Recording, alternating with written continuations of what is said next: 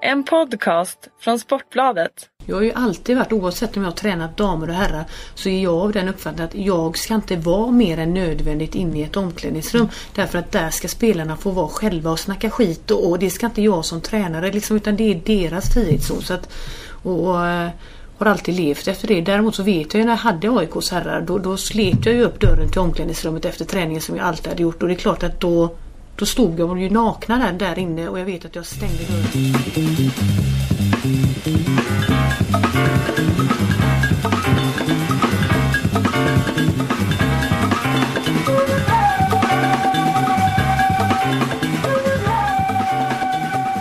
Då befinner jag och min gäst oss i Göteborg och eh, alldeles i närheten så strålar eh, julpyntet ut från Liseberg och eh, inte långt härifrån så pågår innebandy VM och jag är så glad att du Kristina Landgren Karestam har lyckats slita dig loss från detta mecka innebandy origin som pågår där inne. Var det svårt att slita sig därifrån?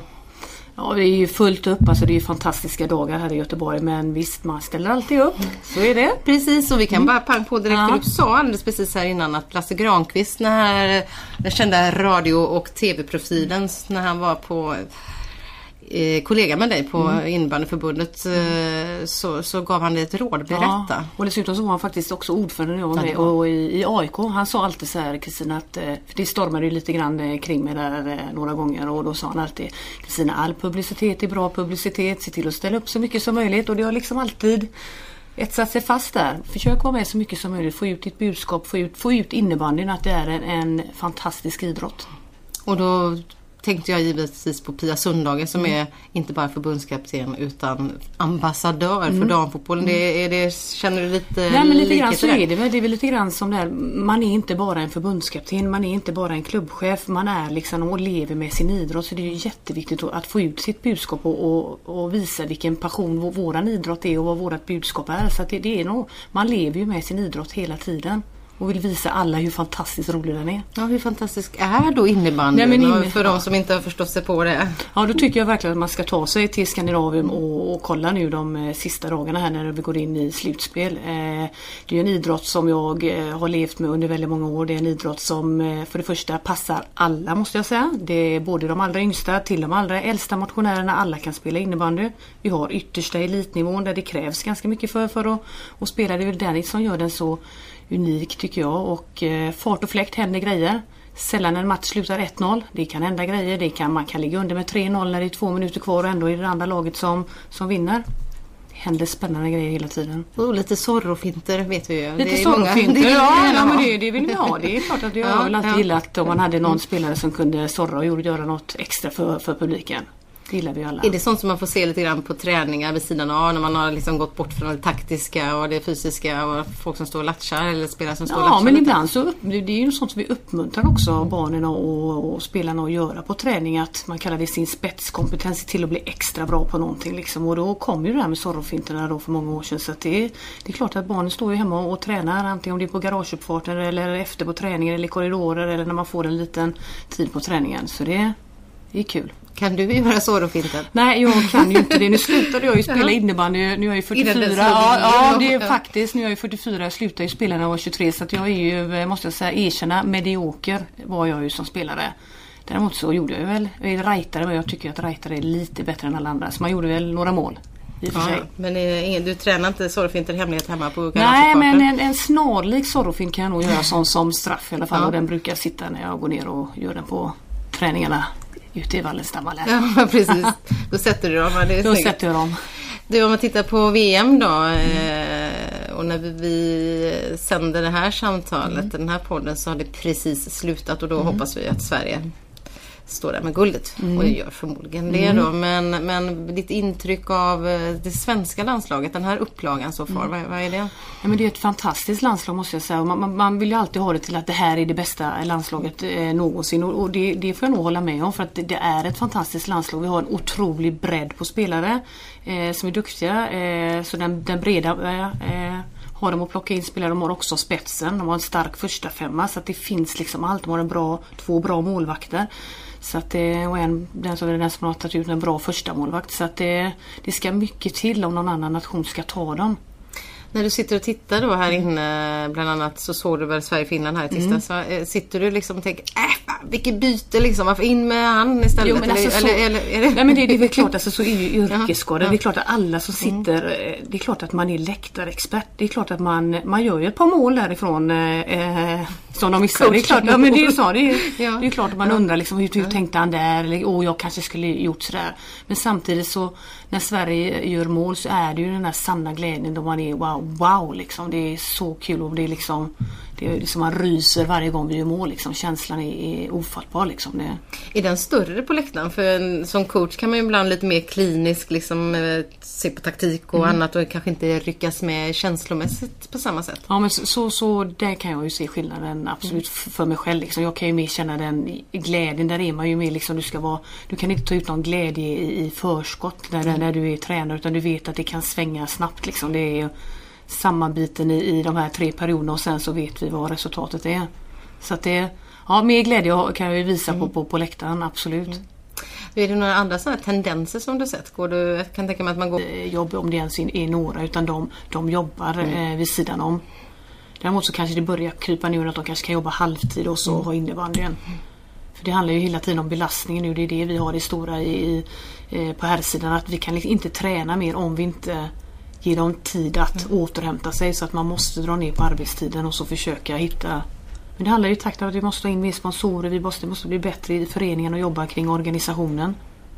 Nu var det mycket, det var väl över 10 000 på matchen häromdagen. Mm. Eh, och det känns ju ändå som att det mm. finns ett gediget intresse mm. men, men eh, saknas det ändå liksom den här hypen eh, för att få dit folk som betalar publikintäkter? Ja, ja men det, det, gör det nog under grundserien hos en del föreningar. Som jag, om jag tittar på min egen förening så är inte vi den bästa i, i lådan ty, tyvärr. Har ni eh, publiksnitt? Och herrarna ligger kanske på 600, damerna är inte bra. Där ligger vi sist tyvärr i publik. Eh, kan jag erkänna här då. Det är inget mm. jag är stolt för överhuvudtaget. Eh, och vi måste jobba med det. Däremot så eh, har en del föreningar, Storvreta till exempel, visar upp fantastiska publiksiffror. Slutspelet visar ju sig både på herr och damsidan är attraktivt. Alltså då kommer publiken. Så vi måste ju ständigt jobba med utvecklingen på innebandyn och få mm. göra den mer attraktiv och hur vi ska få dit eh, folk och hur vi ska få dem att betala. Liksom, för att se Sen är det inte lätt i Göteborg. Liksom. Nej, det finns en hyfsad konkurrens liksom, med hockey, är, fotboll ja. och handboll och mm. annat. Så mm. att, ja, men så är det. Men eh, börja med att man tittar på min egen förening. Vi är fantastiskt, har varit fantastiskt duktiga på, på det sportsliga. Nu måste vi tänka lite mer organisation, förening. Hur, hur kan vi liksom få få alla de pusselbitarna på plats. Där kommer klubbchefsansvaret in. Där kommer klubbchefsansvaret in bland annat. Men inte bara jag utan det är många runt omkring i en förening som drar ett stort lass. Hur, hur är det då att kliva bort från sportchefsjobbet? För du gillar ja, ju att jobba. Ja. Så nu har du varit på mm. golvet och ja. tränare och förbundskapten för dam och herrlandslaget och så mm. sportchef. Och så mm. nu känns det som att du tar ja. ett litet kliv bort från liksom själva Nej, händelsernas ja. centrum på ett sätt. Eller ja, det, ja nej, men det blir det ju. I alla fall från planen. Ja, ja, så är det ju. Och det är både och. Det är med blandade mm. känslor. Mm. Det ska jag säga, ska jag villigt erkänna. Men samtidigt så tror jag att det är både bäst för, för mig att ut, fortsätta utvecklas. Det handlar ju någonstans så så känner man att man måste liksom ta ytterligare ett kliv för att utvecklas och jag tror att det här är helt rätt. Och, och för föreningen också. Jag har, jag har koll på helheten i vår förening i och med att jag har gått från att vara spelare i, i Pixbo till att vara tränare till att vara ungdomsansvarig till sportchef och nu då det här. Så att jag har ju ett bra helhetsgrepp vad vi behöver. Om då ska jag prata kvinnliga förebilder mm. lite grann. Hur många kvinnliga klubbchefer finns det i Sverige? Jag tror inte det finns så många. Jag vet att det finns faktiskt en, tror jag, i Modo tror jag. Det är en tjej som är klubbchef mm. där vid hockeyn. Ja, i hockeyn. Ja, ja det tror jag. Ja. Men, Men jag tänker på innebandyn? Nej nej nej, nej, nej, nej, Utan jag har ju gått den eh, vägen i alla år mm. Eh, där man har varit väldigt själv. Eh, vi har en kvinnlig ordförande däremot i Svensk elitserieförening, Kim Fors. Vilket eh, inte många har, har uppmärksammat. Där är en kvinna. Eh, men annars har man ju liksom varit själv. Men i mitt fall så är det ingenting egentligen jag har funderat så mycket på egentligen. Jag har gjort det jag älskat att göra liksom. Och sen att jag har varit kvinna, det är klart att jag har fattat att jag har varit kvinna men liksom inte Jag älskar ju innebandyn. Jag älskar att vinna liksom. Nu, nu, nu kör vi för att vi ska bli bäst liksom. Men du har, du har sagt det tidigare mm. att eh, om vi backar bandet mm. där då så, så hade du eh, eh, sex år, var det sex år som du var elittränare och sen då mm. förbundskapten dam och ja. eh, herr? Ja, U19 dam till och med först. U19. Först U19 dam mm. och så damlandslaget och herrlandslaget. Just det. Ja. Eh, och det var väl kanske, var det framförallt när du tog över herrlandslaget som det blev mycket uppmärksamhet Absolut, just ja. kring att du var kvinna. Mm. Alltså kvinnligt manligt. Mm. Du kände själv när du tog över Pixbos herrar, vad var vi då, 2000? Ja, 2000. 2000. 2000. Det är egentligen, 99 får jag ju AIKs herrar. Det är mm. ju egentligen första gången som jag eh, har varit inne lite grann eh, på distriktslaget uppe i Stockholm innan men 99 blev jag assisterande i, AIK. Så där är ju första gången egentligen den, den miljön ordentligt. Liksom, som, och det är väl rätt, eh, ja. Skulle jag vilja säga då, säger jag, ja. starkt eh, manligt förankrad klubb att ta oh, över. Mm. Oh ja, så att där var jag assisterande åt mm. Jocke Nordström. Vilket Just var en det. fantastisk resa att få, få lära sig jättemycket och, och vara med honom. Eh, och sen så, vad heter det, 2000 så flyttade jag hem och då Eh, Jan-Inge Forsberg kommer att spela en stor eh, roll i mitt liv för att han har ju varit ordförande eller vice ordförande i Pixbo och alltid vågat att flytta gränserna hela tiden. Och då ringde han upp mig och sa att eh, Kristina jag vill, jag, jag vill ha dig som huvudtränare på, på vårt herrlag. Och jag gick och funderade jättemycket över det där om jag inte skulle fega ut och vara kanske assisterande istället. Mm. Och, men Jan-Inge stod på sig att han ville att jag skulle vara vad heter det, trähuvudtränare då. Eh, och eh, smart drag. Det är klart att han visste att det är en, en med, med ett fantastiskt hjärta i Pixbo och det är klart att vi skulle få fantastisk publicitet om, om vi satte en tjej i Pixbo Wallenstam. Mm. Och det var jättebra rubriker ja. du fick genast där. Ja precis, och för då blev det ju så fort de tryckte på den pressreleaseknappen så var väl kanske inte jag riktigt förberedd på att fokus flyttade sig från att jag faktiskt hade ganska eller hade bra meriter inom innebandy till att fokus blev att jag var tjej och tränare då. Bland annat så var det ett uppslag där med stjärnlagets nya tränare, en tjej. Och så står jag i mitten där och så är det ganska fokuserat kring, kring mig då. Och så kallades eh, laget för damlaget någon gång när ni ja. förlorade. Ja, vi, vi, vann uppe i, vi vann uppe i Närke, mot Närke uppe i Örebro ja. mm. och då stod, stod det där uppe eh, att Närke föll mot damlaget. Att, Hur tog killarna i ditt lag det då? Ja, nej men det, alltså, det är ju ingenting. Alltså, de hade svårt att hantera mm. det. Slog man upp GP någon gång och vi hade förlorat och så stod det Landgrens pojkar ser snälla ut. Det finns ju inte ett herrlag i hela världen som vill se snälla ut utan man vill ju se lite macho ut. Så det var, det var jobbigt att veta hur man skulle hantera det här.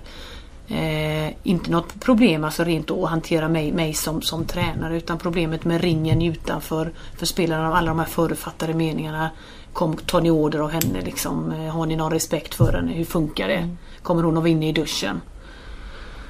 Sådana saker att kunna svara på de frågorna då men ja. Det låter lite som en fråga som man kan få som kvinnlig sportjournalist ibland. Går du in i duschen och gör, gör mm. intervjuer mm. Eh, eh, på alltså professionell nivå så, så är det väl sällan så som trä, trä, manliga tränare heller kanske byter om med mm. killarna och, och en del gör det i och för mm. sig då. Mm. Men är det någonting där som du känner att du har som kvinnlig tränare så att säga inte liksom kunnat vara med i, i, i gemenskapen. Alltså du förstår, missförstår mig ja, rätt nej, men nej, det nej, finns ju en omklädningsrumskultur ja, som man ofta lyfter inom manlig idrott. Absolut. Att det är vi tillsammans ja. i omklädningsrummet. Att man vill höra jargongen där inne och mm. man får höra mycket. Mm. Men jag har ju alltid varit, oavsett om jag har tränat damer och herrar, så är jag av den uppfattningen att jag ska inte vara mer än nödvändigt inne i ett omklädningsrum. Mm. Därför att där ska spelarna få vara själva och snacka skit och, och det ska inte jag som tränare liksom, utan det är deras frihetszon. Så att och eh, har alltid levt efter det. Däremot så vet jag ju när jag hade AIKs herrar då, då slet jag ju upp dörren till omklädningsrummet efter träningen som jag alltid hade gjort. Och det är klart att då då stod jag ju nakna där, där inne och jag vet att jag stängde dörren och så funderade jag på vad gör jag? För att min väska, var, min damväska då brukar jag skämta säga, stod ju där inne. Jag var ju tvungen att ha den liksom. Och då funderade jag ett tag och så öppnade jag dörren och så gick jag in för att, för att jag är tränare liksom. Jag är inte tjejen Kristina som kommer gå utan jag är tränare och jag hämtar mina grejer och jag går ut därifrån och det gör jag fortfarande än idag liksom. Jag kan absolut gå in i ett omklädningsrum och bara hämta det jag ska men jag är inte där mer, mer än nödvändigt. Mm. Men du fick ändå liksom... du fick ändå ja, det var, ja men det var ja, precis, tänka, jag bara, tänka ja. till. Nej, men det är, vad är det här? Men jag är ju... Det är det som ibland brukar säga att att vara tränare, det, man är detet liksom. Mm. Det är detet som kommer in liksom. Det är inte om det är en tjej eller en, en kille som kommer in utan du är tränare. Du är där för att leverera liksom. Inte... Men det är aldrig någon av de manliga spelarna som har sagt någonting om du kliver in? Nej men alltså det kan, det kan väl ha varit någon gliring ja. eh, någon gång eller hände väl. Mm. Men ach, det, är liksom, det har ju varit i den miljön så att det, är liksom, det är ingenting som jag överhuvudtaget tänker på. Eh, att det skulle vara något konstigt liksom. Utan det är, jag går in och gör det jag ska och sen så går jag ut från omklädningsrummet och så är man i Globen så har man ju ett eget omklädningsrum som Ja, är så fint så det- bredvid spelarna. Så då är man ju väl, då har man ju sitt eget lilla kryp in där som är Det att man fantastiskt. ska vara i fred och tänka som coach så ja, väldigt ja. mycket. Men det beror ju på hur man är som tränare. Del vill ju absolut vara med sina tränare men, men jag tror inte på den filosofin. De måste få vara själva oberoende om det är tjejer eller killar. Och efter då eh, bytet till Pixbo så har du tränat eh, både där damer och herrar och du har varit förbundskapten både på dam och herrsidan. Eh, och eh, blev väl ännu mer uppmärksammad just när du tog över på, på, på herrsidan då. Berätta hur du upplevde ändå den kritiken som, som var mycket inifrån innebandykretsar själv. Ja ja men det var väl återigen där jag var inte, jag tror ju ingen var, var med på den kritiken som kom att det skulle vara så otroligt mycket kritik från egna led. Övriga idrottssverige är jättepositivt att en idrott vågade gå i bräschen att faktiskt ta, ta, ta in en kvinna. Eh, jag själv var lite så här Massa kritik, alltså jag har inte ens börjat med, med er och trä- ni kan ju i alla fall ge mig chansen. Liksom. Jag har inte ens börjat innan ni ger mig massa kritik. Och jag hade ju dessutom ett delat ledarskap med, med, med Ulf som då inte fick någon kritik fast jag kanske hade bättre meriter på pappret. Sen så var ju kritiken mycket riktad. Jag hade jag hade tränat herrar för för lite och jag förstod liksom aldrig den kritiken för att jag är ju väldigt så att, att vara inom idrotten, vara på yttersta elitnivå, vara förbundskap. Det handlar om en enda sak. Du ska in och leverera, du ska vinna liksom. Och det spelar ingen roll om du tränar tjejer eller killar. Du ska vinna nästan till varje pris. Att jag oförstående, vad, vad, vad menar ni liksom? Jag, jag ska ju för 17 gubbar se till att leverera ett guld här liksom. Och så har ni kritik mot mig, jag kommer leverera. Vad, vad, vad är det ni håller på med liksom?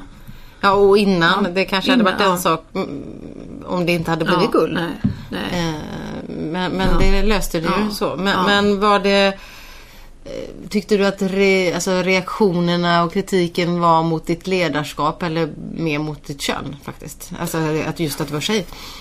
Nej men alltså kritiken blev ju mycket mot att jag, för det blev ju mycket fokus på, på mig som tjej istället för att titta på vad jag hade för egenskaper. Sen, sen kanske med facit i hand kanske vi var för dåliga på att kommunicera ut. Vi hade ju ett de- delat ledarskap jag och Ulf och det var ganska glasklart vem som skulle göra vad. Alltså Ulf är en skitbra taktiker, han är en jättenörd. Han står idag i båset i svenska landslaget och är fantastiskt duktig Ja, taktiker. assisterande assisterande i ja. dagens VM-lag. Ja, Mm. precis. Och vad heter det? Jag hade hand om helheten. Vi tittar mycket på spelarna, lär känna dem. Vilka knappar ska man trycka på, på när vi väl ska stå där och coacha? Hur ska de funka eh, ihop som grupp? Vilket jag är, är fantastiskt duktig på. Så att jag förstod liksom inte riktigt eh, kritiken för vi, det var glasklart. Ulf ville inte, ville sällan då vara i media, ville sällan vara i vip och prata. Jag älskar att prata inför grupp. Tog ju alla sådana grejer. Fick lite skit för att det var väldigt mycket, väldigt mycket man, man fokuserar på henne. Hon fick vara med överallt. Men jag älskade att göra de här grejerna. Han ville inte göra det. Och vi hade en glasklar uppdelning. Så det var ju en fantastisk tid vi, vi, vi hade tillsammans att få jobba med landslaget med den uppdelning som vi hade. Tror du att du hade fått samma kritik om du hade varit man? Jag är helt hundra på att jag inte hade fått det. Men det var jag. Då är det ju just Mm. att, att, att, eh, att, eh, att, att du är kvinna.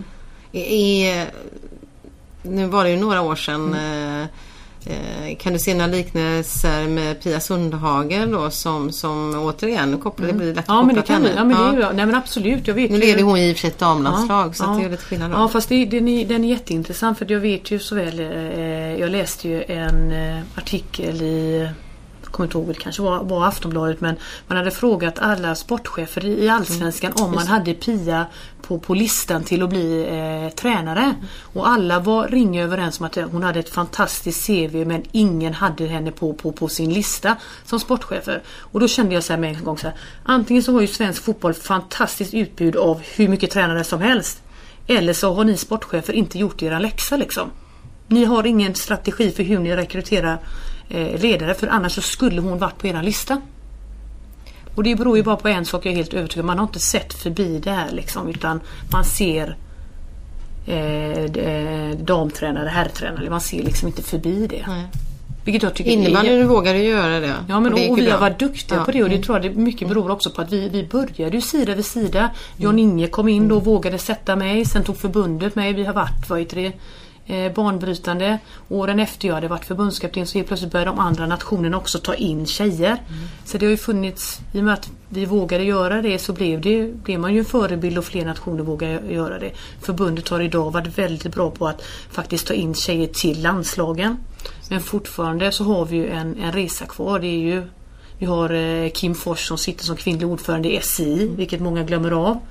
Eh, Men fortfarande, klart, vi, när man är där ute på, på kongresser och konferenser, det är klart att det är väldigt mycket män. Vi måste bli, bli fler och våga, våga göra det också, få möjligheten att ta det steget och vara med och påverka, vilket är fantastiskt.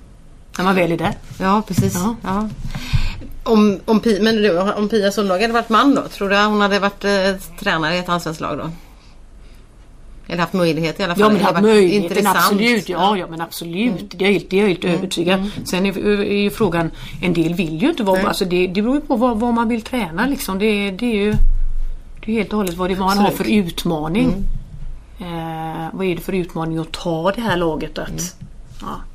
Men rent liksom med, med sin, den kompetens Jo men har. alltså det, det behöver man ju inte hymla om. Alltså skulle du lägga, jag har ju varit på x antal föreläsningar de har gjort där de har lagt eh, Hamrens meriter och Pias meriter och så har man inte satt någon bild på dem och så, så vem hade ni valt till, till herrlandslaget? Ja. Det, då är Ja, ju, då hon har ju fantastiska för- med, med ja, hon har ju, och det är inte för meriter. ringa nej. alltså absolut inte för han är, är jätteduktig ledare också men, men eh, Ah, vi måste nog våga tänka utanför boxen och även vi som jobbar som sportchefer och, och, och rekryterare. Det. Får liksom inte bli att man bara tittar på ja, vem känner du liksom? Och känner du någon som skulle vara bra? Utan det måste finnas en stra- tydligare strategi för hur du värvar eh, ledare egentligen. Vad är det du eftersöker? Och inte titta liksom närmaste man liksom eller närmaste referensram som jag har utan Jag tittar på kvalitet. ja precis kvaliteten är mycket mycket Men mer. vi kanske är sådana för mycket överhuvudtaget i yrkeslivet. Det kanske ändras lite. Inom politiken kommer ju många kvinnor fram till exempel. Ja. I, I idrotten, ligger idrotten efter där tycker du? Nej men det gör vi ju därför att vi har ju inte eh, Alltså för det första kan du inte ansöka och om ett jobb eh, på, på ett liknande sätt, jag vet inte om det finns riktigt så mycket head, headhunting eh, utan det är ju oftast, eh, det är återigen det är ju sådana som jag själv har varit som har suttit här som sportchef och så ska man liksom bestämma vem är det som ska vara den nya ledarstaben och så går man och tittar i sin referensram istället för att faktiskt tänk, tänka lite bredare.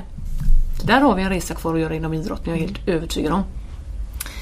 Och tillbaka där då till, eh, till, till ditt uppdrag eh, som, som förbundskapten för herrarna som ändå på något sätt eh, jag vet inte om det är så, man, men utanför innebandykretsar då, när man tänker på det så tänker man ju, blir det väldigt lätt att man tänker, ja men det var hon som var förbundskapten för herrlandslaget. Det, fast du har gjort så mycket annat också. Men, men eh, den perioden då, eh, även om du fick kritik utåt, alltså, kände du att att du var så klar med ändå vad du skulle genomföra eller, eller var det så att kritiken ändå bet sig innanför skalet på något sätt? Nej men det, det, det, det är klart att det var inte kul att, att få kritik men jag lärde mig ganska tidigt att fokusera Kristina på det som du kan påverka. Jag hade fantastiska människor runt omkring mig som, som stöttade mig. Så att jag, jag läste, jag försökte inte att fokusera så mycket på att läsa grejer. Däremot så ställde jag upp i allting. Absolut, ni får göra hur mycket reportage ni vill men det var inte alltid att jag läste vad det var de hade skrivit om mig sen. För att jag kände att ah, nej, men det, jag vet vad jag ska göra. Jag ska in och vinna det där VM. Jag ska ha det där VM-guldet, så är det bara. Och det tror jag att jag var ganska bra på att liksom skärma mig från, från den kritiken som... Nu har jag ju läst, pappa spårade ju alla artiklar så nu har jag ju läst i efterhand jag känner bara wow! Tur att jag inte läste Wow, kanske, det var nog kul att jag inte läste allt det där. För Ja. det, det var ju ganska mycket kritik som kom där under resans gång också. Så att det, Alltså, ja, tror du att många kvinnor, nu är vi väldigt generaliserande eller här, men, men att, att det finns en del kvinnor som tvekar på att ta sådana utsatta uppdrag bara för att man inte orkar med liksom, den uppståndelsen som blir och kritik som kan följa med? Jag hoppas inte det men, men visst tror jag säkert att det kan vara så och där måste vi bli bättre också på, på att ge stöd och stöttning och det handlar ju inte både det handlar ju om du är en man med att vi Ja. Alltså det är klart att det blåser där ute och du måste men däremot så måste du lära dig att hantera det. Eh, Och då måste vi hitta verktyg för att göra det. För det, det är klart att det, det, är ju det, det, är det finaste uppdraget du har. Du kommer av folk som tycker saker om det. Så att du, du måste vara förberedd på det och du måste kunna, kunna ta den kritiken tycker jag. Det är, Du kanske tog jobbet från någon som hade jobbat i 15 år som tränare på elitnivå inom Ja, här men som bara drömde varje dag att hoppas jag kanske får förfrågan och så, och så kommer jag där och, och tar det, det finaste ja, uppdraget. Men du ville så gärna vinna VM och ni vann VM Ja. och eh, du har en, en stark vinnarskalle. Vi får återkomma Komma. till den lite då, Ja. vinnarskallen. Eh, du, är, är det alltid så att du blir, eller i alla fall blev, sur när ni inte vann? Jo, men Du får är det berätta, Ja, ja, jag vet ju nu att du har en det- story här jag från berätta- Stockholm. Du får nej, men det berätta om det. berätta. Nej, men jag, jag har väl, eh, det är som när man pratar om ibland vad man har för starka och svaga sidor som ledare. Och med en, likväl som jag är en tävlingsmänniska i en styrka hos mig så har jag också haft en svaghet att jag hatar att förlora för mycket. Jag måste jobba med den sidan. Och det är klart att när det går ut över dina lag då måste du fundera. Och det gjorde det ju då 2000 när jag fick i uppdrag av Jan-Inge då att ta föreningens första eh, SM-guld. Och vi, vi tog inte föreningens första SM-guld. Vi åkte ut rättvist eh, i eh, semifinal mot Haninge uppe i Stockholm. De var helt klart bättre. Och jag fixade inte att hantera det utan jag gick ner i omklädningsrummet och sura och sen så så flög jag hem och de fick åka buss hem. Ja, det är ju helt fantastiskt. Och, det, och det, liksom, det var inte det att jag var förbannad på dem, absolut inte. Men det var liksom... Men alltså, var, bok, alltså hur bokade du nej, men, jag hade, nej men du- grejen var att jag hade varit uppe i Stockholm innan så att jag hade en biljett. Fast jag hade, hade ju inte, jag hade ju inte tänkt att jag skulle ha, att jag skulle ju åka buss. Man åker ju buss. Ja. Men jag hade den där biljetten där.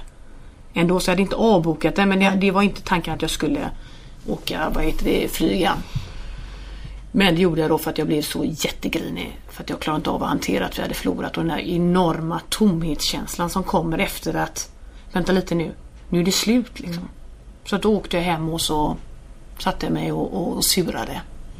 Och det gick väl inte egentligen över förrän eh, och hantera det där förrän jag sen skaffar familj för då, då går det inte att komma hem och vara sur och grinig för att då Då kommer någon litet barn som kommer det eh, lite vill barn som undrar, ja. och eh, tycker det är Ja. toppen Ja. med livet. Mm, så är det ju så att det har en fantastisk historia som jag ska ta där med. Det. Man, man blir ju eh, när man vinner någonting så blir man ju alltid hyllad och man får jättemycket eh, gratulationer och folk tycker att oh, oh, du är den bästa tränaren. Och så, men däremot så är jag ju, jag brukar säga så att jag i historieböckerna så är jag eh, bragden i Bern med, med damerna och eh, också fiaskot i Singapore. Det får jag ta på mig som för, för förbundskapten för då åkte vi ut i semifinalen också, hårfin marginal. Men, och då, då, då kom det inga Ingen som stötte en, ingenting. Men det kom ett sms, det var från, från min man. Skynda dig hem älskling, det är ingen som handlar. Och då får man lite perspektiv på liksom eh, tillvaron. Ja, att livet går faktiskt vidare också. Ja det gör det. Det behövs mjölk hemma. Ja, det gör det. Liksom, solen går upp i, imorgon med och det är ganska skönt faktiskt att eh, Ibland är man så inne i sin bubbla i, i idrotten att det är skönt att faktiskt Ja, idrotten betyder jättemycket men det finns också ett annat liv liksom. Men du, när du mötte ditt lag igen då efter du har surat Mm. klart. Alltså det mötet. Nu var det så många år sedan så jag kommer, kommer men knappt, jag knappt ihåg. Men, men jag vet ju att eh, Henrik Kvist som eh, var ju ung kille då. Han avslutade ju sin karriär i Pixbo förra året. Han brukar ju ganska ofta, inte ganska ofta men titt som tätt påminna mig att han inte riktigt har förlåtit mig för det där. Och det, jag insåg ju då, det, då att du, du måste liksom lära dig att hantera det. Men det är inte lätt. Alltså när man, då hade jag ju på, på den tiden bara tränat lag som det gick väldigt, väldigt bra för. Och hur tränar du på, på motgångar liksom? Men det har jag ju fått göra. Så det, ja. Fast det fick du göra men du har Ja, ändå sen- haft väldigt mycket framgång. Ja, väldigt, Ja. väldigt mycket Mm. framgång. Så det har inte varit helt lätt. Men några motgångar har det ju kommit sen efteråt. Och det har ett ordspråk på, på mitt eh, kontor som är så här. Det stora är inte att aldrig falla. Det stora är att resa sig efter varje fall. Och den brukar jag tänka på att det Den tog du med Den dig. tog jag med mig från den. på Ja, så tog du med den- den. nu Den fick jag jag Det handlar om igen. att resa sig och köra vidare. Ja, Liksom. ja. Mm. Och barn där har du eh, William och Ida. Mm. Så, eh, och William var två när Två. du, ja, han är Ja, tio ja. nu. Mm. När du eh, klev av förbundskaptensuppdraget. Eh, och jag vet ju att jag har läst att eh, du glömde bort hans tvåårsdag. Eller glömde Mm. bort men du planerade in en presskonferens på, två, på hans tvåårsdag. Ja. Ja, hur gick det till? Nej, utan det, det är som med allt som jag sysslar med. Alltså, jag går ju all in och då, då, då jag, tänk, jag tänkte inte på att oj, 24 januari liksom att det är sonens födelsedag. Utan det är, vi kör på med innebandy som vanligt och så Sen var det ju liksom reflekterat, oj oj. Det är väldigt mycket innebandy bara. Eh, det finns kanske andra saker i ditt liv och i den vevan bestämmer jag mig faktiskt innan där att, att det då hade jag ju varit förbundskapten både för U19 damlandslag, eh, U19 eh, dam, damlandslag och så herrarna att Vinner jag här nu med herrarna så har jag ju vunnit allt som går att vinna och varit förbundskapten under en lång period. Och då bestämde jag mig faktiskt att jag, jag kommer att kliva av. Det är speciellt att vara förbundskapten. Det är en fantastisk ära men du, du har också dina spelare till låns. Det är ju någon annan som har dem och får göra utvecklingen hemma i klubben. Så att jag kände att jag vill hem till, till, till klubblagsinnebandyn eh, igen. Men var det ändå en väckarklocka just det där att, att, att eh, glömma bort eh, och inte reflektera liksom över vilken dag det var? Mm, ja, men det, det, det är klart att det var en jätteväckarklocka. Herregud, det var ju min, min, min son, min, min förstfödda. Och så, jag hade ju inte så bra, problemet med mig var att jag hade ju inte så mycket referenser om att referera till. Liksom, utan jag, jag körde ju på bara och så så skulle jag ju eh, ha barn och så kom han åtta veckor för tidigt. Oj, det var ett landslagsläger. Du skulle inte komma nu. Jag skulle ju iväg på landslagsläger och så kunde man inte... Alltså jag har ju varit van att jag kan påverka allt och helt plötsligt så får du barn och så kan du inte påverka det och så... Det viktigaste i livet, sonen, då skulle du med glömmer du av att eh, det var innebandy, ja, så, och körde innebandy då. Eh. Men han är två år så han kanske inte tänkte på att det, oj hoppsan Nej. det var min födelsedag idag. Det är värre än nu kanske ja, när han var ja, tio. Ja, ja nu, nu är det absolut. Men nu är det ju, det är ju barn i, i centrum. Så är det ju. Och det är, det är bra att de är det också. Det får en och bli en bättre ledare faktiskt måste jag säga. Ja, hur då tycker du? Vad är det, Ja, men det- är, vilka men det- egenskaper är det som, som Nej men det blir de här egenskaperna att eh, eh, att om det kommer en motgång så finns det någonting annat. Solen går upp i, i morgon ändå liksom. Eh, idrotten är, innebandyn är jätteviktig för mig. Det är en stor del av ditt liv Kristina. Men familjen är större. Och det är ganska skönt att ha det liksom. Och de finns alltid där. De bryr de älskar mig precis lika mycket oavsett om jag vinner eller förlorar. Oavsett om folk skäller på mig eller inte så är det liksom mamma Kristina som kommer hem och de älskar mig precis lika mycket. Det är Ja, ganska är skönt. det. Det är ju Det ganska är skönt. Då spelar det ingen ja. roll. eh, Nej, då spelar det ingen roll. Nej. Liksom det.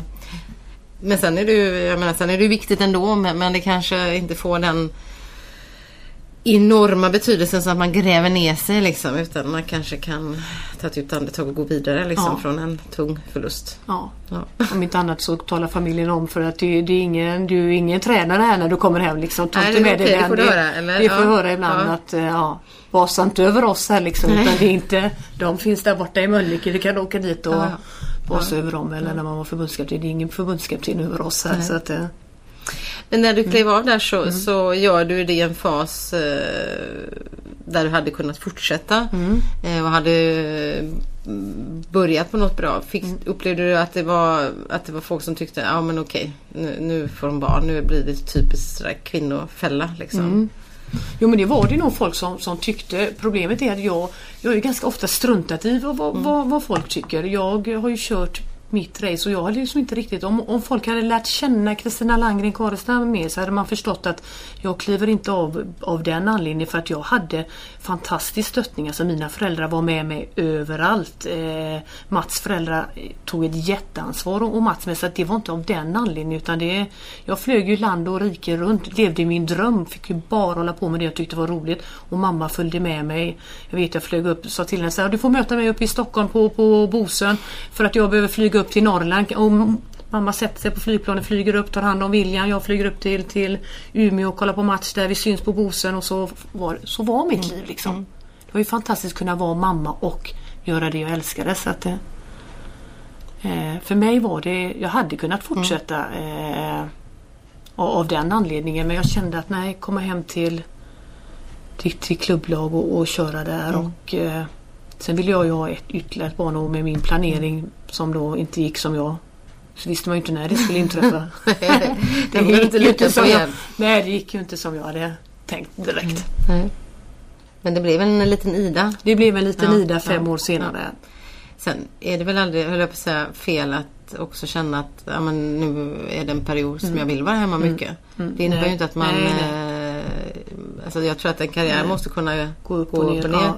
Och du lär dig ju andra saker Mm. nu liksom. Men, jag, men jag, tror, jag tror ändå att det blir lätt så att, äh, men, Mm. att det finns en uppfattning kring att det inte går att kombinera Mm. och vara liksom, på den yttersta toppen på trä oavsett. Mm. Politiker, tränarnivå, tjänstemän liksom, eller höga chefer och ha barn. Mm. Utan många, många tycker att man försakar eller att man att man inte ska kunna kombinera det. Men det, det, Nej, det är nej, men- väldigt mycket upp till liksom Ja men det är ju ja. upp till familjekonstellationen som man har. Jag menar vi har eh, jobbat väldigt mycket både jag och Mats, de har eget familjeföretag. Så, eh, och jag har fortsatt att göra karriär inom idrotten. Nu är jag ju klubbchef. Det är ju inte så att jag jobbar mindre idag än vad jag gjorde när jag var förbundskapten. Jag kanske inte reser lika mycket men det är ju precis, om inte ännu mer jobb. Eh, och det är ett val jag har valt att, att göra och så ser jag till emellanåt att man har mycket tid, tid med barnen. Men visst, jag är borta mycket från barnen och det, de tycker ibland att mamma, måste du prata så, så mycket i telefonen? Ja. Och så får man jättedåligt samvete. Men när de eh, blir 12-15 så är de där ännu mer själva. Snart. Mm. Precis. Så är de tittar ner i sin iPhone. Ehm, om man tittar på, på att leda, leda tjejer, leda killar då. Det blir lite generaliserande för att alla är ju olika individer givetvis. Men finns det utifrån ett generaliserande perspektiv skillnader tycker du i att, att träna och leda killar, träna och leda tjejer?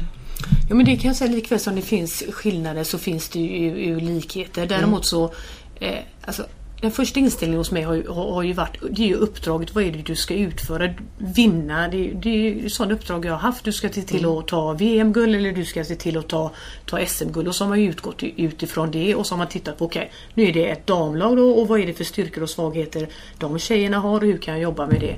Men det är klart att skulle jag generalisera så skulle jag ju säga att visst, då fick jag jobba mer med självförtroendet på, på damsidan. Att få dem att förstå att de är jäkligt duktiga och våga visa det. Mer än vad jag behövde göra på herrsidan. Där skulle jag, om jag nu skulle generalisera det så handlar det mer om att förstå vilken roll du har. Alla kommer inte kunna lägga den avgörande straffen i, i Globen. En del av er kanske jag inte ens tänker på.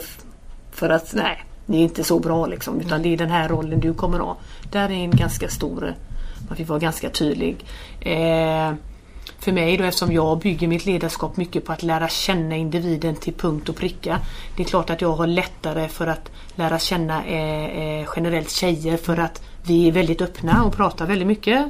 Är det problem så vet vi det redan innan vi kommer till, till träningen. Ja. Medan killar av någon konstig anledning, tradition, här blottar vi inte våra känslor. Eh, och då, då tog det ju lite längre tid att få det förtroendet där man faktiskt det är klart att dina känslor, hur du mår, kommer påverka dig på planen. Jag kanske inte kan hjälpa dig alla men jag kan försöka liksom.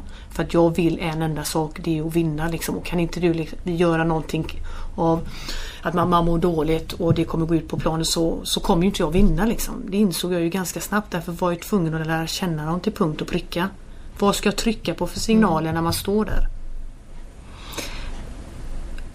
Och att det är så, är det, är det hur vi uppfostras, hur vi uppfostrar våra barn, hur, man, hur, vi, hur, de är, hur det är skolan eller är det idrotten som eh, också... Ja, men, alltså den frågan är, är jättekomplex. Ja. Jag tror att den hänger ihop med hel, hela samhället. Alltså allt ifrån hur vi uppfostrar, hur det ser ut från förskolan till skolan, till idrotten, till allt. Liksom, allt det vi har, har med oss. Eh, Kan man plocka lite där? Ja, men tänk, eh, för det väl, vore väl bra om fler tjejer kunde få in det i, i- skallen. Liksom, att tänka lite mer positivt och inte sänka sig själva. Liksom. Eh, vilket- det, borde, det borde ju alla, den självförtroende absolut. Boosten borde ju alla tjejer få, eh, även, även i skolan. Men de Nej, skickar ut dig på alla skolor i Göteborg liksom. Nej, ja, precis. Och det är inte alltid ta det så, så personligt att allt du gör alltså, att det är, betyder att du är en dålig människa. Alltså, jag sa ett kla- klassiskt exempel som händer ofta på, på innebandyn. Så jag är- tycker en del killar är fenomenala med och man kan roa sig med att kolla på eh, nu under VM också. Att skulle en kille missa, om man missar målet eller om man missar en straff. Men vad händer då? Jo, de, de kollar ju klubban va. De böjer lite på hoken eller man går ut och slår lite med klubban i, i sargen. Det kan vara något ja. fel på Ja, den det, det kan ju faktiskt. vara det. Eller om man roar sig på straffarna på, i, i fotbolls-VM. Då, då, då, det är tuvan där va. Det var ju lite fel på den. Och det är ju ganska fantastiskt liksom. Att Vad gör kunna- tjejerna då? Nej men då blir det ah, hänga med huvudet och så går man ut i båset och så ah, tänk om vi förlorar matchen nu på grund av att jag missade. Och så tänker man men jösse herregud vi har spelat en minut av, av, av den här matchen. Det- liksom är, är ganska lång tid kvar. Vi kommer inte förlora den här matchen på grund av att du missade straff. Nej. Och det verkar första eller sista gången kommer göra det heller. Liksom. Det, lägg av, kör vidare. Gå ut och prestera. Där kan jag uppleva att där måste vi ibland bli bättre. Det är intressant det där för det ser man ju även faktiskt i journalistkåren. Liksom. Unga killar som kommer in och bara tar för sig och, och sen är det nog ett bunt tjejer som ifrågasätter nej men det där kan väl inte jag göra för, för nej. Eh, att det, det finns ju på många håll. Så, så att, eh, jag vet inte var de får det ifrån grabbarna. Det här självförtroendet. Ja. Ja, Men, så, ja. men det, där har vi en lista och våga vara det och inte heller tycka att det är något konstigt med det utan det är våga ta för sig mer och, och inte bli... Det är klart att jag har ju varit en person som har tagit, tagit för mig väldigt mycket och det är klart att ibland har jag uppfattats som väldigt obekväm liksom. och det är klart att det har varit ibland lite tufft att hantera att man alltid liksom har, har eh, ja, Folk har kanske inte tyckt att det alltid var okej att man tar för sig så mycket. Men att fortsätta våga göra det. Tro på det man gör. Precis. Men hur var när, den perioden då när du var förbundskapten? Hur var den, dina andra manliga kollegor liksom mot, mot dig? Var, det någon som var direkt elak och sa saker till dig som att du hör inte hemma här eller? eller Nej men, nej men det var väl Nej. aldrig egentligen eh, någon som uttryckligen vågar säga det. Eh, jag, jag satt ju däremot i ett deb- debattprogram där när jag precis hade blivit eh, förbundskapten och skulle försvara mig mot eh, en tränare då som tyckte att det var för jäkligt att jag hade blivit eller den utnämningen vilket är helt otroligt att Jag tänkte jag, säga egentligen att jag idag, ställde det upp. hade Nej, men nog inte skett idag, Nej men det hade nog inte. Eh, och hade det inte varit för Lasse Granqvist, all publicitet är bra publicitet till sina så hade jag nog inte gjort det heller. Och jag hade liksom inte Brorsan sa till mig där, alltså, så han sa, men syrran nu var, var bara lugn som en filbunke när, när du går in där och jag jag, jag reflekterar inte så alltså jag, men hade ju, William var ju född åtta veckor för tidigt, han låg ju på sjukhus. Jag hade ju liksom, kunde liksom inte fokusera på att någon tyckte illa om mig. Jag gjorde bara det som alla förväntade sig att jag skulle göra. Liksom. sjukhus samtidigt som du ska sitta och försvara dig? Ja, ja, men jag, jag, om jag nu inte minns helt fel så var det under den här perioden, det måste vara i mars, och han var ju precis, eller var man precis hemkommen. Men jag hade liksom inte någon referensram där till, till utan jag gjorde ju bara det jag älskade. Herregud, folk har åsikter om jag. Jag älskar ju innebandy, jag ska ju vinna ju. Så har ni en massa åsikter om det och så fattar jag ingenting utan jag bara ställde upp allt som gick att göra. Har du reflekterat över det i efterhand? För det är ju ändå lite Jo men jag har ju reflekterat, jag har märkligt. tänkt Eller inte märkligt men det är ju Jo, ändå... men jag har ju tänkt på, på det om, om det skulle kommit fram någon annan eh, nu liksom. Vad, vad skulle jag kunna gjort för att stötta den eh, personen? För det var ju inte riktigt okej liksom det om man tittar tillbaka. nej, Men, nej. nej, nej, men däremot Det blir ju så, nästan nej. lite personangrepp. Ja, men däremot så var det ju eh, ja, jag, jag läste inte så mycket. Jag eh, har aldrig varit när... Eh, I och med att jag har varit så nördig in i det jag gjort så var det liksom, jag, jag fokuserade på det jag kunde påverka. Sen att folk hade åsikter om jag var bra eller inte. Det, jag gjorde ju som sagt var bara det jag älskade och jag skulle ju vinna. Jag skulle ju ha det där VM-guldet. Jag hade ju inte det på här sidan. Jag hade ju vunnit på dem så jag ville ju ha det på här sidan. Just det. Ja det är klart. Ja. Och då var det, finns det bara... Då fanns det bara- det körde jag ni som inte ser här Ja. nu spänner hon Ja. ögonen i mig. Så att de starka blå ögonen. De, de, det, det, jag... det har varit så otroligt i allt man har gjort. Ja. Liksom. Det är Ja. en så otrolig känsla att stå där och, och vara bäst. Liksom. Hur, hur, den här... jag, jag, jag, jag håller mig god nu. Jag, jag, jag, ja. Ja, Allting går att fixa om man bara vill det. Ibland kan man känna så nästan. ja, men så är det. Det är det är väl något som jag försöker tuta i mina barn. Nu säger en kuriosa. Min, min son skulle lära sig cykla så, och så ramlar han och ramlar han och så till slut så, blir han, ja, så vill han inte vara med, med mer. Så spänner han ögonen i mig och sa Mamma du säger att allt går bara man vill men nu vill jag faktiskt inte mer. Nej. Det var ju väldigt bra svar. Han vill inte. Nej, nej då går det inte. Nej. Men det har liksom alltid, ja, allt, ja, går, allt liksom. går. Det går. Ja. Liksom. Det finns inga begränsningar. Det... Men vet jag tänkte inte heller på det då ifrågasättandet på det sättet. Men alltså nu, det, jag tänker bara på hur debatter som har varit efter fotbollsskalan så här med Therese Sjögran och, mm. och det som hände mm. där kring henne. Det hade nog inte kunnat bli en debatt nu på, det, på samma sätt. Nej, Nej jag, jag Nej. tror inte det Nej. heller. Det, och det var ju så, alltså, det var ju så nytt. Jag var ju den första. Det var ju, Pia Nilsson har ju varit förbundskapten mm. i golfen. Mm. Men sen så, var, så är det ju jag. Det, jag var ju banbrytande där och det är klart att det är allt främmande, det vet vi ibland. Vi är lite sådär, åh är det här okej, okay? är det här inte mm. okej? Okay? Så att någon, ja. Det blev som det blev men jag tror inte att det kommer hända i, jag hoppas verkligen inte av hela mitt hjärta att det kommer att jag hoppas att vi har kommit längre. Mm. Men sen har vi en bra bit kvar när det gäller mycket när det gäller jämställdhet. Mm. Men det handlar ju om att ta på sig de här glasögonen. Vad, vad är det vi vill med våra föreningar? Vad är det vi vill med idrotten? Hur kan vi lyfta både kvinnor och män i allt? Men det är tillräckligt många kvinnor som vill ha det ledaransvaret? Är det tillräckligt många kvinnor som vill vara ute och resa så som du var och eh, liksom ta det ansvaret eh, och, och coacha lag och, och liksom ta hela mm. det här? Nej men, nej, nej, men där är ju underlaget färre och, det, mm. om man går, går in på där får man ju frågan ofta vad beror det på? Alltså, en anledning är ju att när du har erfarenhet att kunna ha ett landslag så, så, så är du ju åldern där upp mot 30-35 kanske och en ännu äldre. Och då, då kommer ju, för mig var det ju det var ju samma tid då där du också ska ha av familj. Det är ju så mycket som händer just i, i, i den perioden och där får man nog fundera på hur kan man ha ledarskapet? Där ju delat ledarskap mm. lite lättare. Kan man ha andra former för hur man får in mer tjejer? I vilka roller ska de vara med? Eh, I många idrotter så visst är du förbundskapten i fotboll eller hockey men då är det ju jäkligt bra betalt. Men det, så ser ju inte verkligheten ut för, för många förbundskaptener. Mm. Och då ska du kanske ha familj, jobba som förbundskapten, du ska kanske ha något annat jobb också. Alltså den ekvationen mm. är inte helt lätt att och sen så är det ju också ett val man gör. Man väljer ju om man, hur mycket man vill vara borta från mm. sin, sin familj. För det är klart att man är borta. Det, så är det ju. Det är klart att det var perioder när, när eh, William var jätteliten när jag var borta och, och han knappt kände igen mig när jag kom hem. Och det är ju liksom något man får Ja det är klart att det var jättehårt men, men jag hade ju bestämt mig. Jag ville ju köra innebandyn. Mm. Hur tog du det då? Jag kan säga att jag har varit borta månader på fem sex veckor på OS ja, nej, och, nej, men det... och det nästan har tagit sådär liksom ja. några dagar innan ja. man återkopplar. Ja nej men det det är klart att det gjorde jätteont i hjärtat. Nu blev jag förvarnad för jag frågade dem på BVC hur, liksom, vad, hur, vad kommer hända liksom, om jag åker iväg här nu. Men då sa de det risken är att de tappar dig liksom, mm. men, och så får du jobba på det sen och då, ja. Då fick, då fick jag göra det men jag, jag vill ju, jag har ju en mm. tro att det går att kombinera. Mm. mm. Det är klart att jag jobbar fortfarande idag jättemycket. Stundtals är jag borta jättemycket från, från mina barn när Mats, min man, tar ett jättestort lass. Men, ja, men du har en så förstående man, ja, eller hur? Man alltid, ja, men, men så är det ju. Och den, den, ja. Man blir nästan irriterad ja. när man hör det. Och då brukar jag säga lika mycket som du har en förstående fru till mina kollegor. Eh, förstående man. Liksom. Det mm. handlar ju om det äktenskapet vi har gått in i, en ömsesidig respekt för varandra. Liksom. Det är, men det är en sån här rolig kommentar. som alltid, alltid mm. kommer. Mm. Så precis så pappan har sina barn och man kan ha sitt egna mm. upplägg. Mm. Eh, om man tittar på, på eh, ledarskapet då så var vi inne på det, på det lite grann. Eh, nu, när du jobbar i den rollen som du gör nu.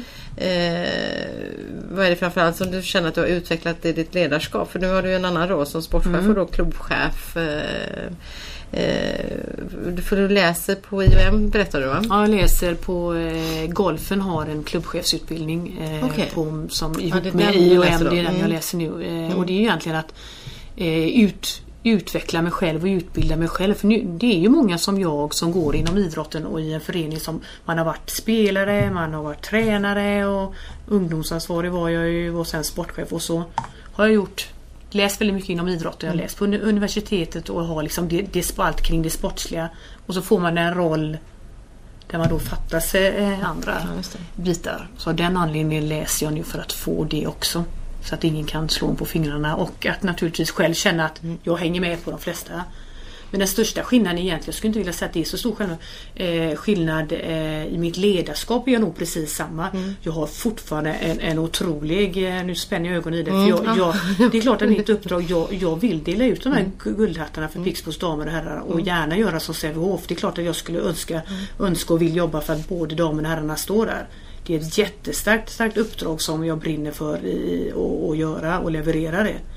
Men det är den ultimata klubbdrömmen liksom att uh, ta dubben ja, ja, men, ja, men, men mm, det, mm. det, det, det, behöver jag inte hymla om. Alltså, jag håller på med det här för att jag, jag vill vara, vara bäst. Men däremot så har jag utvecklat det från att det inte bara, handlar inte bara om våra elitlag utan jag vill ju skapa en, en global förening som huserar allt. Vi ska mm. kunna vara en förening som har yttersta elitnivå där vi kan vara bäst. Vi ska ha eh, vad heter det, en bred ungdomsverksamhet men det ska också finnas en verksamhet för de som kanske inte vill bli bäst. Då känner jag att jag har lyckats. Och jag känner jag brinner Alltså lika mycket, alltså, det måste gå att fixa. Det måste gå att fixa en sån förening. Det kan inte vara en omöjlighet att få till det. En del tycker att man kan bara ha en elitförening. Men jag, jag tror nej, man, man, kan ha allt. Jag kommer se till att vi vinner med, med, med Pixbos damer här. Det, så är det bara. Det, Vilket år blir det? Eh, det ja, jag hoppas att det, något av lagen står där eh, redan i, i år. Mm. Eh, några pusselbitar, ja. Men vi kommer att vara där. Mm. Det har ju varit vad är det här nu, x antal år på rad, raken fem år med, med brons, åkte ut mm, i se, mm. semifinalen. Så att vi, och det är liksom... inte du i semifinal när man åker i semifinalen? Nej, jag har gjort det någon gång där 1956 med att träna damerna. Det, det, jag glömmer ju fortfarande inte som du hör om min dåliga förlorare som är. Det är inte kul. Nej, man vill vara... Ja. Men att det är så mycket mer nu att vara klubbchef. Det handlar ju om att leda en hel verksamhet. Mm. Det handlar ju om att få alla att brinna mm. och känna den här känslan att klubbmärket sitter där närmast hjärtat. Vi ska skapa en fantastisk förening för alla.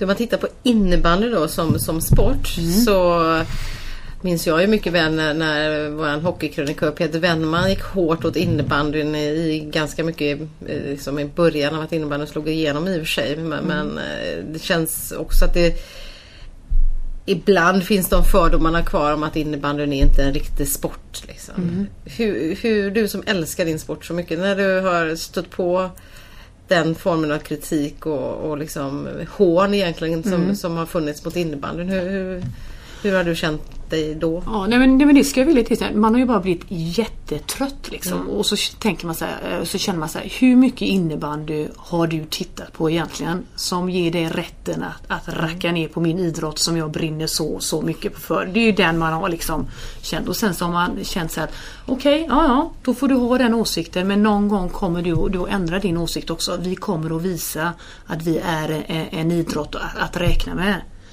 Och lite grann så har det varit med innebandy. Vi har liksom varit bra på att sno från alla andra, titta vad är det som har varit bra och så har vi gjort om det till vårt eget och, och vågat gå vår egen väg.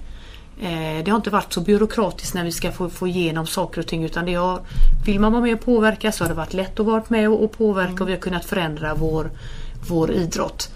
Men visst tycker jag ibland att man har fått oförtjänt med, med, med kritik för att det, vi, vi tränar precis lika mycket som alla andra i idrotter. De, om inte, alltså de värdena som våra spelare har idag, de är fantastiska när, när, när det gäller testvärden. Eh, eh, och fantastiska är det är det, framförallt den, det, det som, som har varit eh, det, det, det, har ju funnits med i kritiken att det mm. liksom är någonting som man gör på fritiden. Liksom. Ja. Ingen, ingen riktig sport. Liksom. Ja, och det har det varit det och sen så har det varit den här hela tiden när man eh, i, i mästerskapssammanhang, det är inte intressant för Sverige bara vinner. Mm. Och så tycker man att men vad då? Alltså kan inte se det, lyfta blicken lite och se att styrkan i att det krävs ju ganska mycket att vara där uppe hela tiden. För att det är ju de som jagar som vet vad de behöver förbättra men, det, men ibland kan man ju bli bekväm och vara på toppen. Liksom. Att, vadå? Det är fantastiskt att se hur duktiga landslag vi faktiskt har. Mm. Eh, och tittar man på andra idrotter, bandyn, hockeyn, de är också ganska smala men där pratar man kanske inte lika, lika mycket om det. Eh, utan då, då tittar man på vår idrott. Och om man tittar ur storleksperspektiv så är ni stora? Vi är jättestora. Mm. Vi är ju Sveriges näst största mm. bodyidrott mm. efter fotbollen mm. och det, det, det, det glömmer man av ibland. Och det är en otrolig idrott som faktiskt finns plats för alla. Allt ifrån de här små som kan spela till motionärsnivå till yttersta eliten. Men visst, sen har vi det, det att vi behöver bli bredare i världen. Mm. Vi behöver få OS-status. Mm. Då, då jäklar. Men om du nu vill det så löser mm. du det. Då lö- ja, nu är inte jag med det. finns ju andra som jobbar jättebra med, med, med det där. Ja men de borde släppa fram dig där. Ja, du tycker det? Det känns som du att du, det, ja. sätter du ett mål så fixar du det. Ja det tycker jag. Nej men, jag, nej, men jag, det kanske ligger någonting i det. Jag har bestämt mig så då. Ja. ja. Du är med i RFs elitkommitté. Ja. Vilka frågor brinner du och racea för där? Vi är ju ett stödorgan egentligen till, till styrelsen mm. så det är många olika frågor. Allt ifrån att eh, frågan om utbildning tycker jag är jätteintressant. Om tränarutbildning är ju en sån fråga som hur ska vi höja mm. eh, kompetensen på alla våra tränare. Eh, mästerskapsmedaljer, hur ska vi kunna ta med medaljer till eh, Sverige? Hur värderar man ett OS kontra VM? Alltså det är eh, VM-medaljer. Det finns ju jättemånga intressanta frågor och framförallt så är det otrolig kompetens som, som sitter och bara får vara med och, och lyfta de här hur svensk elitidrott ska vara är ju fantastiskt kul. Och en ära faktiskt att få vara med. Så jag försöker vara med så mycket som, som möjligt som jag bara kan för att för att dels bredda mig och inte bara vara Jag tror inte bara att man ska vara sin egen bubbla i sin egen idrott utan försöka lyfta vyn mm. för att bli bredare och det kommer jag ha nytta av i innebandyn. Mm. Och det är, det är klart att det, det finns en del innebandyrelaterade frågor men det är mer Det är väl bredare. Ja, ja nej, men ingen kan, ja, precis, nej, men ingen men det går inte att driva liksom, nej, nej, en egen agenda. Nej, och det, får, det är ju inte, då, då ska man inte sitta på den eh, positionen utan du sitter där för att du ska utveckla svensk idrott. Mm. Inte att jag ska utveckla innebandyn. Nej. Såklart. Sen kan jag ju få dem att heja på Pixbo Wallenstam. Det kan jag ju få dem till. Det får du, ja, det ja, det kommer, Nu ska jag faktiskt ha nu, ja. nu känns det efter. Nu kommer vi ha möte i samband med, eh, med VM här faktiskt. Ja, ja. Så det, ja. Så då kommer du träffa mm. gänget här. Ja. Eh, när du ser publiken och liksom inramningen och så här i Skandinavium. Eh, vad händer i hjärtat då? Jag ryser. Mm. När jag står där och hör nationalsången så står jag där stolt och ryser eh, och tittar ut och är en fantastisk känsla. Det är som förbundskapten och som tränare så var jag nog ganska inte kall, in, absolut inte kall men, men, man är ju så fokuserad och man vågar inte släppa så mycket på känslan. Visst gött att man gjorde ett mål men det är liksom, man vet också att det kan svänga snabbt.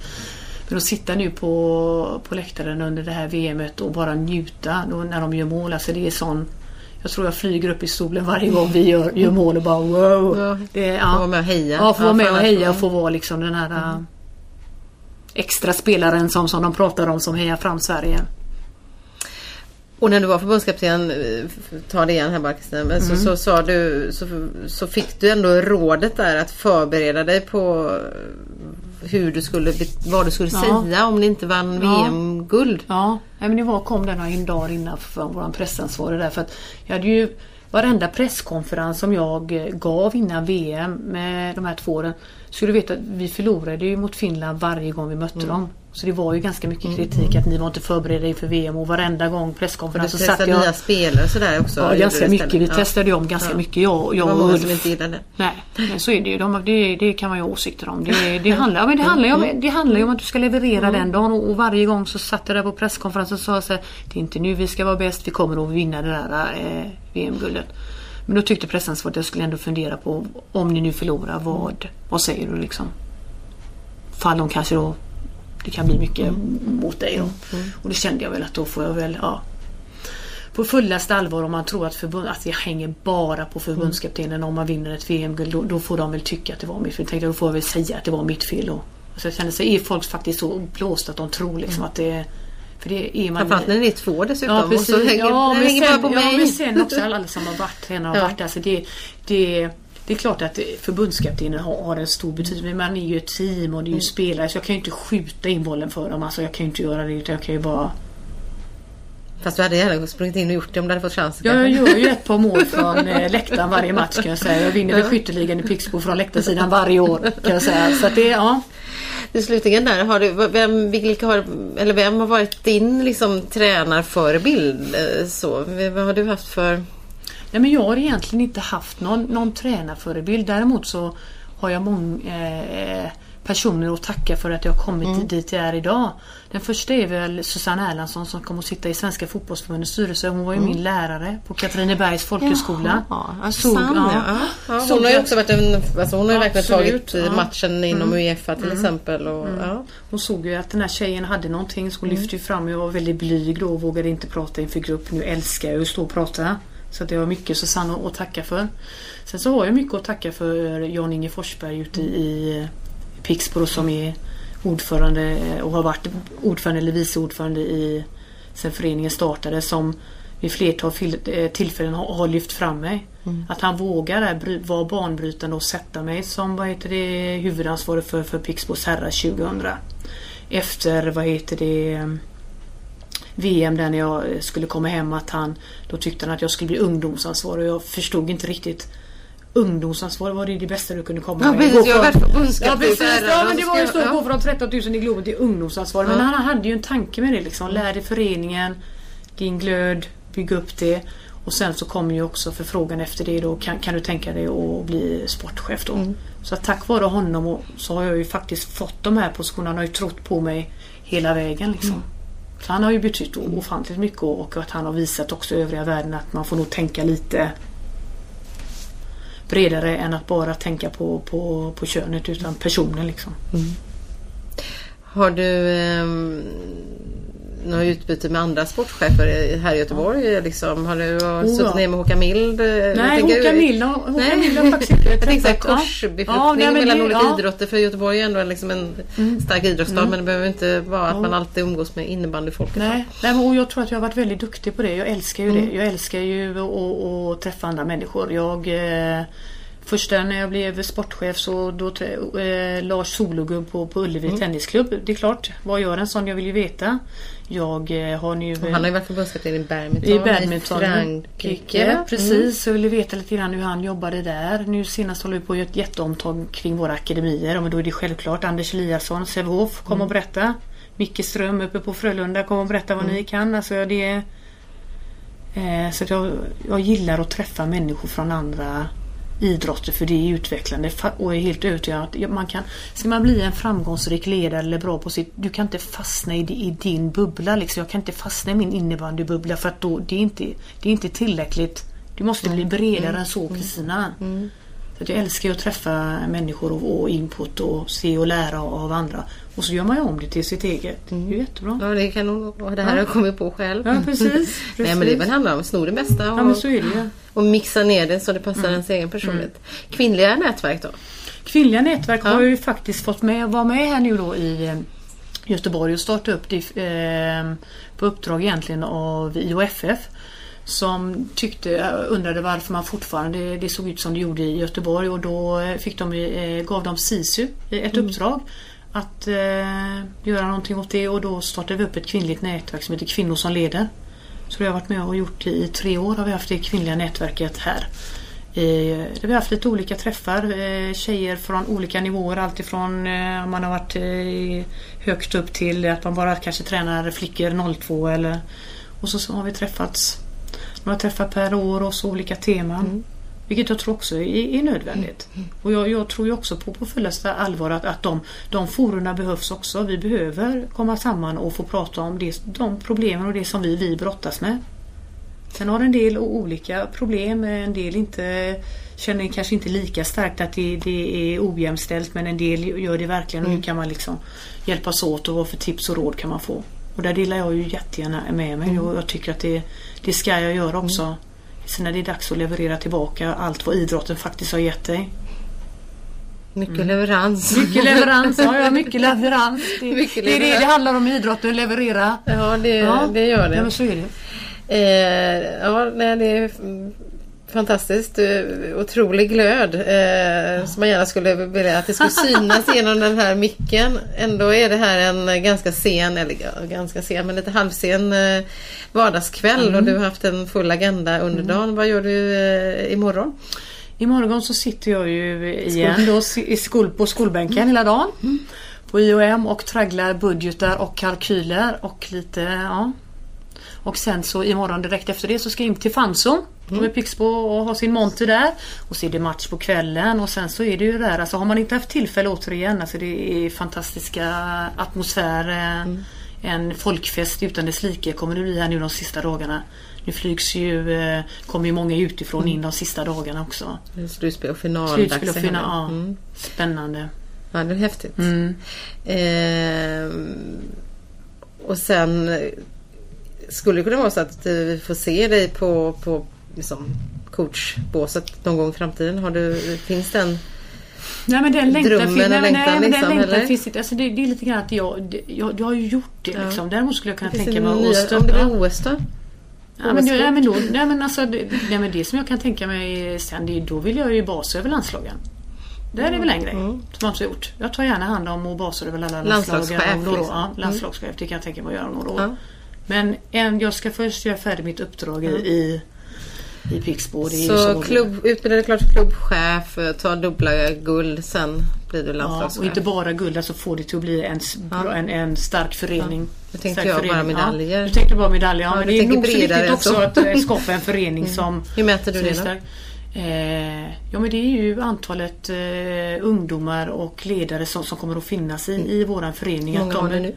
Vi är 900 medlemmar, det är en ganska stor förening mm. men det är en, apparat med mycket ideella ledare att få dem att att det ska fungera och att föräldrar ska tycka att det här är en, en bra förening med våran värdegrund som vi håller på och, och jobbar med. Att man verkligen vill ha sitt barn där.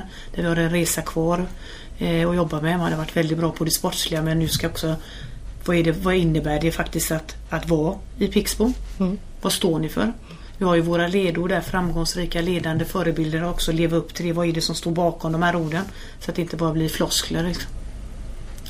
Men sen på sikt så då tar jag gärna över landslagen och blir chef för dem. Inga problem. De och herrlandslaget, har ni en gemensamt innebandy?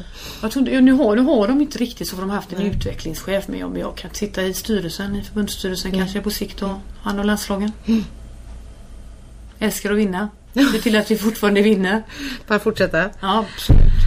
Kanon. Eh, stort tack för att du tog tid eh, och träffas här och mm. eh, det förhoppningsvis har du eh, när du sitter och lyssnar på det här så, så är du eh, glad efter guldyran som har varit Absolut. några dagar tidigare mm. då.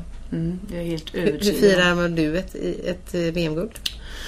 Eh, ja, men alltså, när man väl står där på, på läktaren så, så är det ju fantastiskt. Nu, nu ska jag också kuriosa säga att jag är ju liksom inte jag är nog den tråkigaste firaren om du skulle gå och fråga mina lag. För att då återigen är jag tillbaka till där. Vilka är det som firar eh, ordentligt? Och då känner jag att det där spelarna, det gör ni. Jag kan vara där, jag var väl där kanske på banketterna 20 minuter, en halvtimme. Och sen ska de få vara själva och sen så kan jag gå och fira med mina nära och kära. Men VM-banketten den är till för dem som har slitit där som spelare. Jag kan vara där ett tag och sen så går man därifrån. Mm.